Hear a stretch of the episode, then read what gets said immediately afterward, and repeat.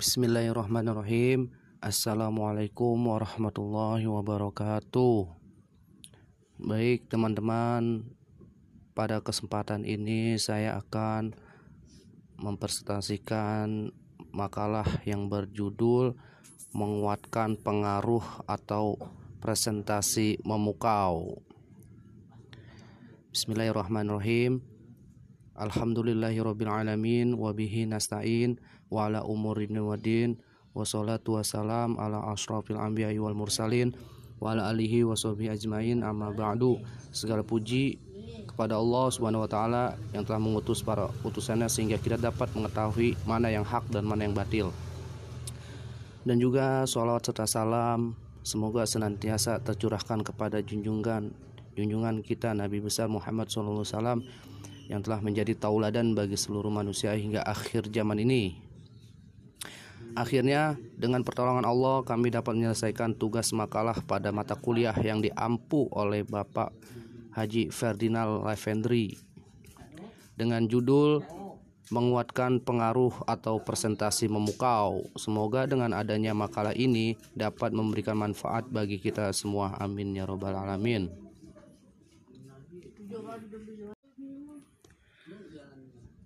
Baik, adapun isi makalah ini yaitu satu pengertian presentasi, yang kedua keterampilan teknik presentasi, yang ketiga pengembangan teknik presentasi, dan yang terakhir yaitu prinsip presentasi.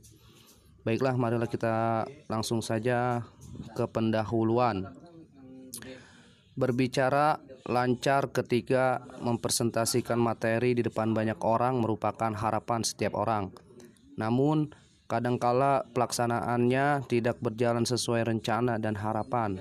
Grogi menjadi salah satu hal yang dapat merusak rencana presentasi yang dirancang dengan matang. Seorang MC atau penyiar radio, presenter, atau news anchor sekalipun pernah mengalami grogi ketika menjalankan tugasnya berbicara di ruang publik. Meskipun penyiar radio hanya berbicara sendiri di ruangan stadionnya, tetap saja pernah mengalami grogi ketika pertama kali bicara sebagai penyiar. Menjadi wajar jika pertama kali bicara di depan publik mengalami jantung berdebar cepat, tangan keringetan, kata-kata terbata-bata, salah ucap kalimat dan sebagainya. Adapun rumus masalahnya yaitu satu apa pengertian presentasi, kedua apa saja keterampilan teknik presentasi, yang ketiga apa saja pengembangan teknik presentasi, dan yang keempat apa saja prinsip presentasi itu. Sekarang kita masuk ke pembahasan yaitu pengertian presentasi. Berbicara mengenai presentasi terhadap beberapa definisi yang dikemukakan oleh para ahli untuk lebih memahami pengertian mengenai presentasi ini, berikut akan jelaskan beberapa definisi presentasi. Menurut Titik Triwidodo dan Joko Kristanto tahun 2004 nomor 157 Pengertian presentasi yaitu suatu bentuk laporan lisan mengenai suatu fakta tertentu kepada komunikan. Hal ini berarti bahwa presentasi merupakan salah satu bentuk komunikasi verbal, yaitu salah satu bentuk komunikasi yang digunakan untuk menyampaikan pesan kepada pihak lain kepada pihak lain melalui tulisan atau lisan. Dengan menyampaikan pesan secara tulisan atau lisan ini diharapkan orang dapat memahami apa yang disampaikan oleh pengirim pesan dengan baik.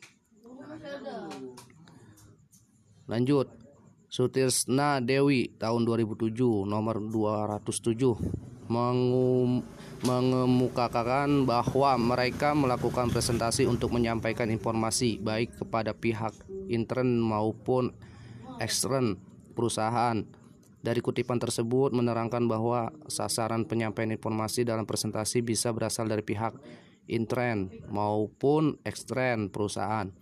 Pembicaraan harus dapat dapat menyesuaikan gaya bicara atau cara menyampaikan informasi sesuai dengan latar belakang audiens sehingga tujuan dalam melakukan presentasi dapat tercapai. Sebelum melakukan presentasi, pembicara juga harus sudah mengatur latar belakang audiens dengan harapan dapat mengukur situasi dan membuat persiapan atas segala kondisi atau pertanyaan yang mungkin muncul dari audiens. Dari beberapa pengertian tersebut dapat ditarik kesimpulan mengenai definisi presentasi yaitu suatu kegiatan komunikasi lisan mengenai penyampaian gagasan atau fakta tertentu kepada orang lain dengan berbagai tujuan. Presentasi adalah bentuk komunikasi yang dilakukan secara terpadu melalui suara, gambar, dan bahasa tubuh dengan bertujuan untuk mengirimkan rangsangan stimulus untuk memberikan informasi atau peng atau mempengaruhi orang lain agar sebuah pesan atau komunikasi tersampaikan. Maka tidak lepas dari komponen yang terkait yaitu pemberi pesan atau komunikator, media dan penerima pesan atau audiens.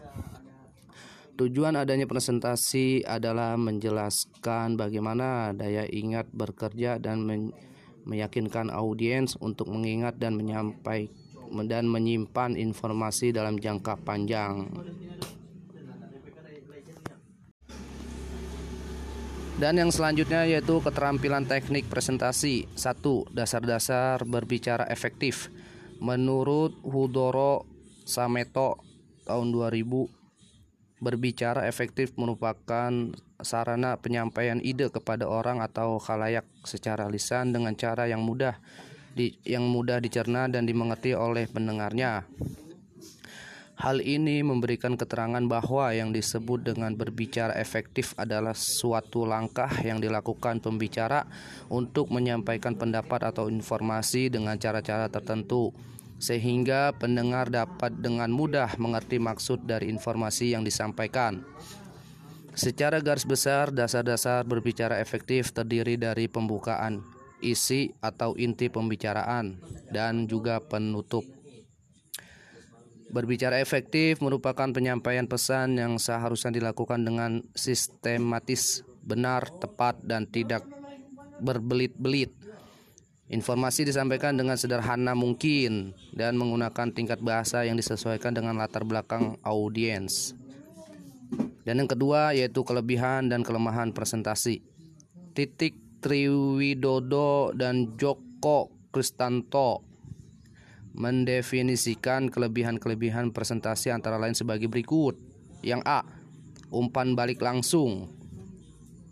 Umpan balik langsung yang dimaksud umpan balik adalah masukan-masukan yang disampaikan oleh audiens kepada komunikan. Umpan balik dari audiens ini mungkin saja diperoleh saat presentasi sedang berlangsung. Misalnya tepuk tangan atau gelak tawa audiens karena tertarik dengan penjelasan presenter atau kejenuhan audiens terhadap penyampaian presenter. Yang B, kesempatan untuk menampilkan pribadi. Saat seorang presenter diundang untuk melakukan presentasi, di situlah kesempatannya memperkenalkan diri dan kemampuannya yang dimiliki. Dan yang terakhir yaitu C, mempunyai pengaruh lebih kuat terhadap audiens Presentasi yang sukses akan membawa pengaruh yang lebih kuat kepada audiensnya. Presentasi lebih berjiwa daripada sekedar laporan tertulis. Sedangkan kelemahan presentasi antara lain. Yang A. Sulit di review. Presentasi yang kurang persiapan akan berlangsung menjemukan dan akan meninggalkan kesan yang kurang baik kepada audiensnya. Hal ini tidak dapat terjadi pada laporan tertulis sebab pada laporan tertulis dapat saja diatur naskahnya agar tampil rapih tanpa merepotkan orang lain. Yang B yaitu saran dan kritik tidak dapat langsung diutarakan. Saat presenter menyampaikan presentasinya, audiens tidak dapat menyelingi pembicaraannya. Audiens harus menampung segala pertanyaan atau sanggahan sampai presenter selesai menyampaikan presentasinya. Sanggahan, kritik, dan saran hanya dapat dilakukan saat sesi tanya jawab berlangsung. Dan yang terakhir yaitu C, kurang dapat diatur. Presentasi melibatkan banyak hal ter terutama audiens yang jumlahnya lebih dari satu orang. Sementara itu, audiens terdiri dari bermacam-macam watak.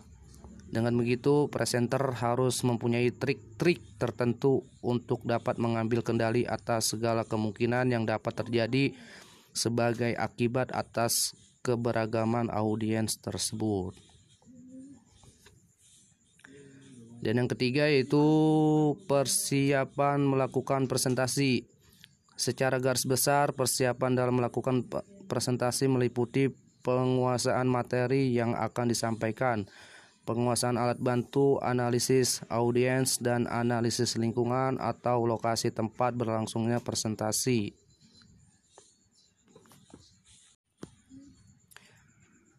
Dan selanjutnya yaitu yang C, pengembangan teknik presentasi. Dalam melakukan presentasi terdapat beberapa teknik yang dapat dipelajari sehingga tujuan presentasi dapat tercapai. Berikut ada 9 teknik presentasi yang dianggap penting. 1. As visual aids. Gunakan alat bantu visual menggunakan gambar, bukan kata-kata. Dapat melipat gandakan kemungkinan pencapaian tujuan presentasi.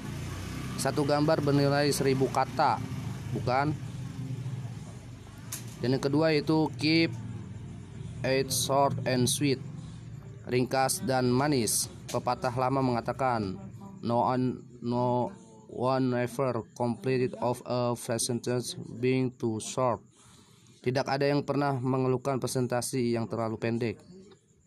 Tidak ada yang lebih membunuh sebuah presentasi selain terlalu lama. Usahakan presentasi Anda di bawah 22 menit.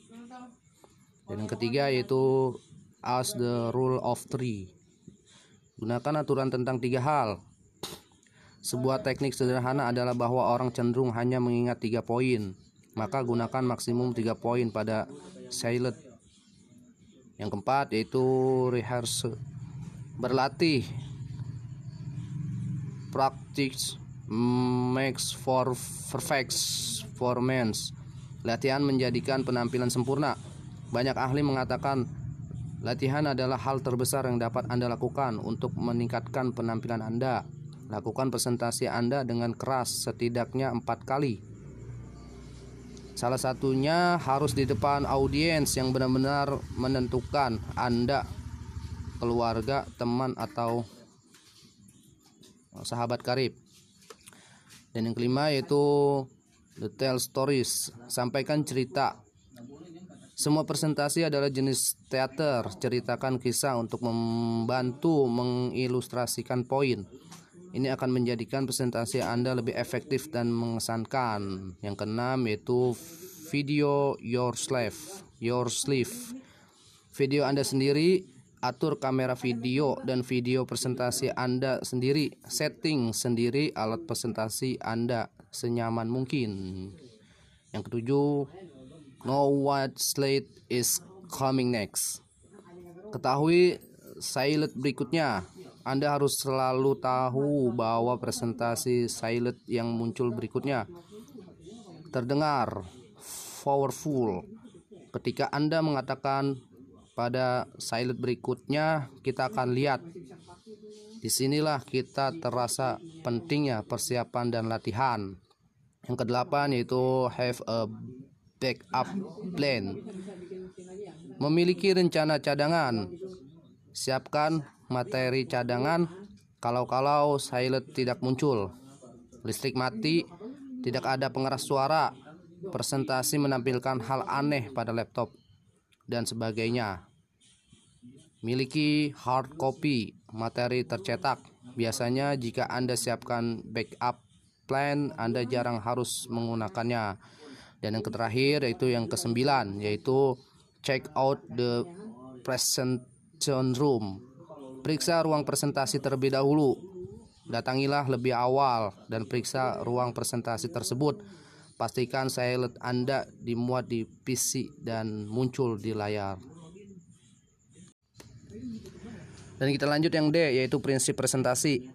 Menurut ahli presentasi Gare Reynolds ada tiga prinsip bagaimana presentasi akan menjadi istimewa, yaitu restraint atau pembatasan, simplicity atau kesederhanaan dan naturalness naturalness atau alamiah. Sebuah presentasi yang bagus harusnya memiliki batasan dalam dalam persiapannya, sederhana dalam desainnya. Ada tiga pilar utama penyusun struktur sebuah presentasi yaitu satu opening pembukaan, yang kedua yaitu kontak, eh, yang kedua itu konten isi. Mohon maaf di agak salah. Dan yang ke, yang dan yang ketiga yaitu closing penutupan atau penutup. Kita ulang yang satu yaitu opening pembukaan. Fungsi daripada pembukaan adalah menciptakan motivasi kepada audiens untuk menyimak dengan alokasi waktu sekitar 10%. Kita harus bisa menjelaskan mengapa mereka perlu hadir dan mendengarkan presentasi serta apa pentingnya bagi audiens. Yang kedua yaitu konten atau isi. Konten atau isi presentasi adalah kunci dan juga jiwa presentasi. Konten yang berstruktur dan dan koheren dari awal sampai akhir membantu mencapai tujuan presentasi yang diinginkan dengan alokasi waktu sekitar 75%. Dalam inti presentasi dapat dijelaskan poin-poin, definisi, prinsip, contoh, fakta, data, kejadian, review, dan kalibrasi. Ada tiga struktur umum isi sebuah presentasi, yaitu A. Problem Yang B. Alternatif Dan yang C yaitu Solution Solution Atau solusi Pada intinya dalam kegiatan ini terdiri dari satu Penyampaian konsep materi Yang B. Presentasi oleh guru sekitar 30% dan aktivitas peserta didik sekitar 70%. Struktur presentasi yang baik adalah memastikan tidak kehilangan arah saat presentasi. Ada beberapa hal yang dapat dilakukan saat presentasi tanpa menggunakan silent presentasi. Di antaranya, satu menggunakan workbook sebagai panduan. Yang kedua yaitu dengan menggunakan storytelling yang ini merupakan aktivitas yang bisa mendapatkan banyak perhatian. Yang ketiga yaitu studi kasus. Studi kasus akan lebih mengarah kepada memecahkan suatu masalah baik yang pernah ataupun yang belum pernah terjadi. Dan yang keempat yaitu diskusi dan sharing. Aktivitas ini akan banyak melibatkan peserta untuk lebih aktif lagi. Yang kelima yaitu games atau permainan. Ini adalah aktivitas yang paling menyenangkan yang biasanya disukai peserta dan memakan waktu yang cukup lama. Tentu saja permainan yang berhubungan dengan materi yang dibahas dalam presentasi tersebut. Dan yang terakhir yaitu keenam yaitu memanfaatkan field card atau papan tulis. Poin-poin presentasi dapat dituliskan di papan tulis atau juga dapat menggambarkan pesan yang ingin disampaikan dengan menggunakan gambar flip card sederhana yang diikuti dengan penjelasan secara lisan. Dan yang terakhir yaitu ketiga yaitu terakhir closing atau penutupan. Fungsi daripada penutupan adalah untuk membuat pesan yang disampaikan diingat audiens ketika presentasi berakhir dengan alokasi waktu 15%. Di dalam penutupan dapat menyampaikan kesimpulan, penekanan pada poin-poin penting quote dan pesan utama.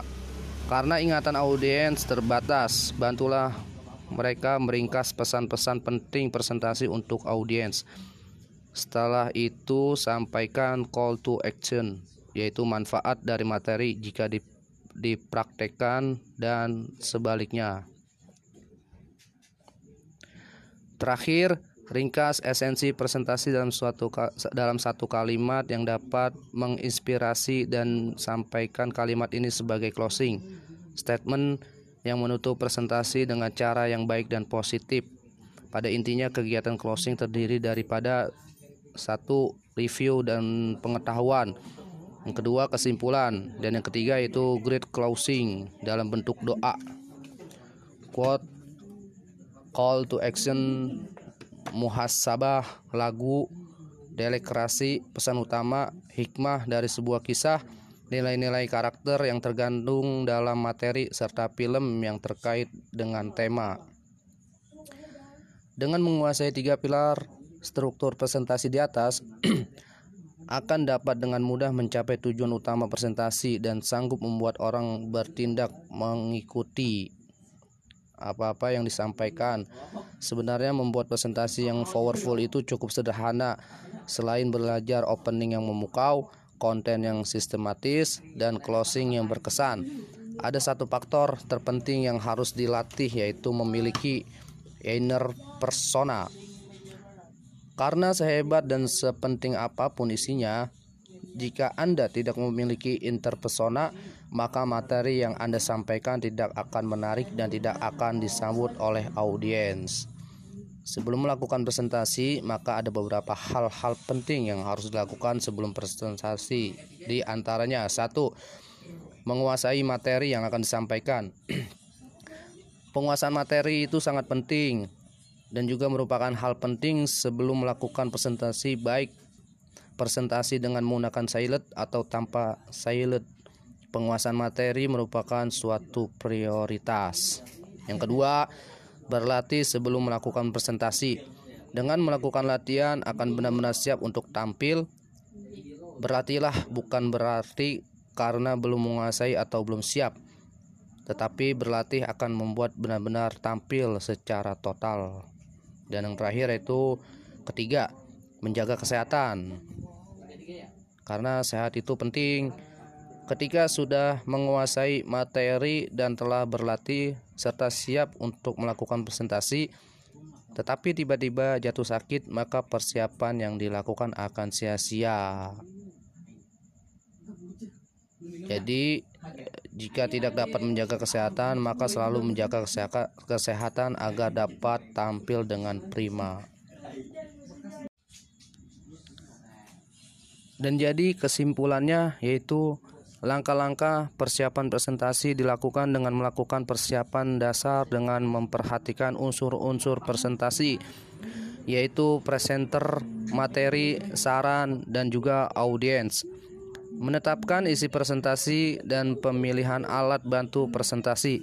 Sedangkan pengembangan presentasi dilakukan sebelum presentasi dilakukan dan selama presentasi berlangsung. Sebelum presentasi berlangsung, hendaknya pembicara menguasai materi tersebut yang akan disampaikan sehingga muncul kepercayaan diri karena tidak merasa khawatir tidak dapat menjawab pertanyaan yang akan dilontarkan oleh para audiens tersebut. Analisis audiens juga diperlukan dilakukan guna mengetahui pendekatan yang tepat digunakan dalam menghadapi keberagaman audiens. Hal ini dapat dilakukan dengan menanyakan kepada panitia atau mengetahuinya daripada para audiens dengan melontarkan beberapa pertanyaan. Hal selanjutnya yaitu yang perlu dilakukan sebelum presentasi berlangsung yaitu melakukan tinjauan terhadap ruang yang akan digunakan dengan memastikan semua peralatan siap digunakan untuk presentasi tersebut. Dan mungkin itu saja yang bisa saya paparkan dalam makalah ini. Kurang lebihnya mohon maaf apabila ada kesalahan atau kekurangan dalam makalah ini. Mohon dibukakan pintu maaf yang selu yang seluas-luasnya. Semoga kita semua bisa mendapatkan ilmu yang bermanfaat. Ilmu yang diberikan oleh dosen kita yaitu Bapak dosen eh, Bapak Ferdinand Ravendri Semoga beliau mendapatkan kesehatan oleh Allah Subhanahu wa taala dan kita semua disehatkan badannya oleh Allah Subhanahu wa taala. Amin ya rabbal alamin. Bilahi bilahi topik wal hidayah. Wassalamualaikum warahmatullahi wabarakatuh.